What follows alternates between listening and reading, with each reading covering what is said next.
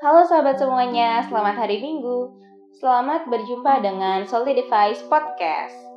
Mungkin sebagian dari kalian akan bertanya, kenapa nama podcast ini Solidifies? Atau yang dalam bahasa Inggris artinya mengeras. Nah, karena ini adalah podcast pertama aku, jadi sekalian perkenalan aja lah ya. Solidifies itu sebenarnya singkatan dari Society, Life, Difference, and Peace. Keempat topik itu yang akan menjadi bahasa vlog aku dalam bercerita sama kalian. Dan kenapa sih harus keempat topik itu yang dibahas? Karena faktanya keempat topik itu adalah topik yang paling sering jadi bahan curhatan kaum millennials. Dan di hari Minggu ini aku mau ngambil topik tentang life dengan judul Pulih datang setelah ikhlas. Karena percintaan juga kan bagian dari kehidupan. Oke, langsung aja mari bercerita. Sebenarnya aku itu bukan pakat cinta gitu loh, tapi ya pernah lah mengalami yang namanya suka sama orang, PDKT, pacaran, cemburu, putus, balikan lagi, putus lagi, dan ya pokoknya semua siklus percintaan itulah ya. Nah, bicara soal percintaan, kadang kita menemukan tiga teori patah hati, yaitu beda rumah ibadah, beda panggilan hidup, dan beda kehidupan. Yang mana orang-orang kadang mengaitkan tiga teori patah hati ini dengan kalimat I'm falling in love with person who I don't deserve. Nyebelin gak tuh?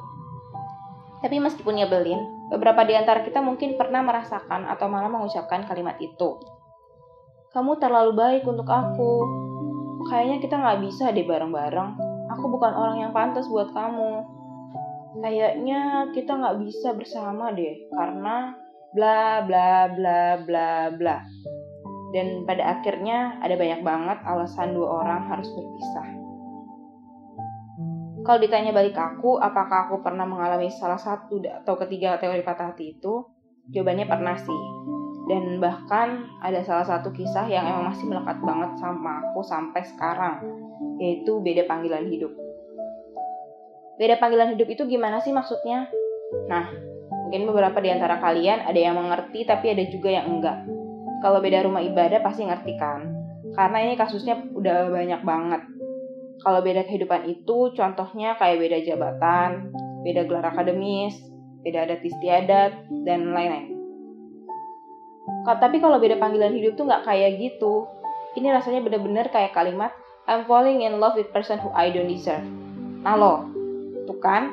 Jadinya aku nyebutin kalimat itu juga. Kenapa disebutnya beda panggilan hidup? Karena dia mau jadi seorang pastor dan aku jadi seorang awam Aku nggak akan sebut-sebut namanya di sini. Meskipun beberapa orang yang kenal aku dan mendengarkan podcast ini pasti tahu orang yang aku maksud itu siapa. Di dalam cerita hari ini juga aku nggak mau curhat tentang kegalauan aku karena emang udah nggak galau dan udah ikhlas. Tujuan aku bercerita justru adalah aku mau menguatkan sahabat-sahabat aku yang mungkin memiliki suatu keadaan yang sama dan sekaligus menyadarkan mereka bahwa keputusan yang mereka ambil adalah tepat. Karena mungkin uh, untuk saat ini memang terasa berat, tapi bayangkan suatu saat nanti apa yang telah kalian ikhlaskan akan menjadi sukacita dan berkat bagi banyak orang. Salah satu penulis yang aku idolakan, Cisasya, penulis bukunya Wish Woman Wait, pernah bilang begini, God sometimes allows broken heart, but He's protecting you from a broken purpose. Dan aku juga percaya sih hal itu, karena Tuhan pasti akan kasih yang terbaik buat kita. Tapi tolongnya jangan pernah berpikir, oh berarti kalau gitu selama ini gue mencintai orang yang salah dong. Ya nggak gitu juga. Setiap orang yang datang dalam kehidupan kita pasti datang karena dua hal. For a reason and for bringing a lesson. Itu artinya mungkin orang-orang yang datang dan pergi uh, karena agar kita bisa belajar dari kesalahan yang tentunya akan mendewasakan kita. Banyak orang yang bilang kalau jodoh itu adalah cerminan dari diri kita sendiri. Kalau ini sih sebenarnya tergantung sama diri kita ya, mau percaya atau enggak. Tapi toh, kalaupun kalian percaya, nggak ada salahnya juga. Kita jadi bisa belajar untuk memantaskan diri sebelum bertemu dengan cerminan terbaik dari diri kita sendiri. Sebenarnya banyak juga yang tanya sama aku, Kak, kok cepet banget sih pulihnya? Gimana sih cara pulih setelah mengikhlaskan sesuatu yang tak pernah bisa jadi milik kamu? Hmm, sebenarnya nggak secepat itu juga sih. Pasti semuanya pakai proses. Tapi semuanya tetap balik ke mindset pribadi. balik lagi ke alasan kenapa akhirnya kami harus berpisah. Dan yakin bahwa itu adalah keputusan yang terbaik.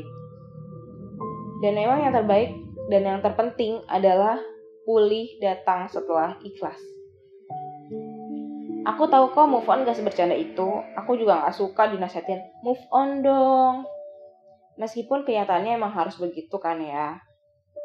Ya banyak-banyak berdoa aja, bilang sama Tuhan, Tuhan, Aku sudah memaafkan masa laluku dengannya. Sekarang, izinkan aku melupakannya. Lalu setelah itu mulai belajar melawan mindset sendiri kita sendiri ketika kita ingat mantan. Contohnya begini, kalau kamu tiba-tiba keinget masa lalu kamu sama dia, coba berpikir begini. Ah itu kan dulu, suatu saat juga dia pasti akan bahagia dengan orang lain dan aku juga akan bahagia dengan orang lain dan itu pasti. Walaupun Aku tahu awalnya pasti nggak mudah dan klise banget, tapi jangan sampai kamu malah terjebak dengan keadaan itu. Jangan biarkan diri kamu larut dalam kesedihan itu. Dan oh ya, bercerita itu penting. Karena dalam kasus aku, awalnya aku nggak bercerita sama siapa pun karena takut dibilang cengeng lah, apalah, dan sebagainya. Tapi setelah aku mulai bercerita sama orang yang menurutku tepat pastinya, kesedihan itu berkurang sih, dan cukup memberikan kelegaan. Selain itu, kamu juga bisa coba cari aktivitas atau pengalaman bersama orang-orang baru, supaya kamu bisa menghasilkan kisah yang baru pula. Karena kalau udah berpisah, tapi orang-orang di sekeliling kamu tetap sama, biasanya nggak akan berpengaruh banyak. Tapi please jangan bilang ini namanya lari dari masalah, karena setiap orang itu punya caranya masing-masing untuk pulih mencari pengalaman bersama orang-orang yang baru itu misalnya kan sekarang ada banyak banget tuh komunitas atau organisasi-organisasi di mana pun. Coba aja ikutin salah satunya. Dan setelah kamu mulai bisa beradaptasi dengan lingkungan yang baru, biarkan waktu yang menarik kamu pergi dari masa lalumu. Kalau suatu saat kamu teringat masa lalu itu lagi, gak apa-apa, itu wajar. Terima kenangan itu dengan hati yang bahagia, ikhlas, dan ingat bahwa itu adalah bagian dari perjalanan kamu. Nah, oke okay, teman-teman, mungkin cukup sekian cerita hari Minggu kita. Selamat mencoba, selamat move on, dan jangan lupa bahagia. Tuhan memberkati kalian di mana pun kalian berada. Sampai jumpa lagi.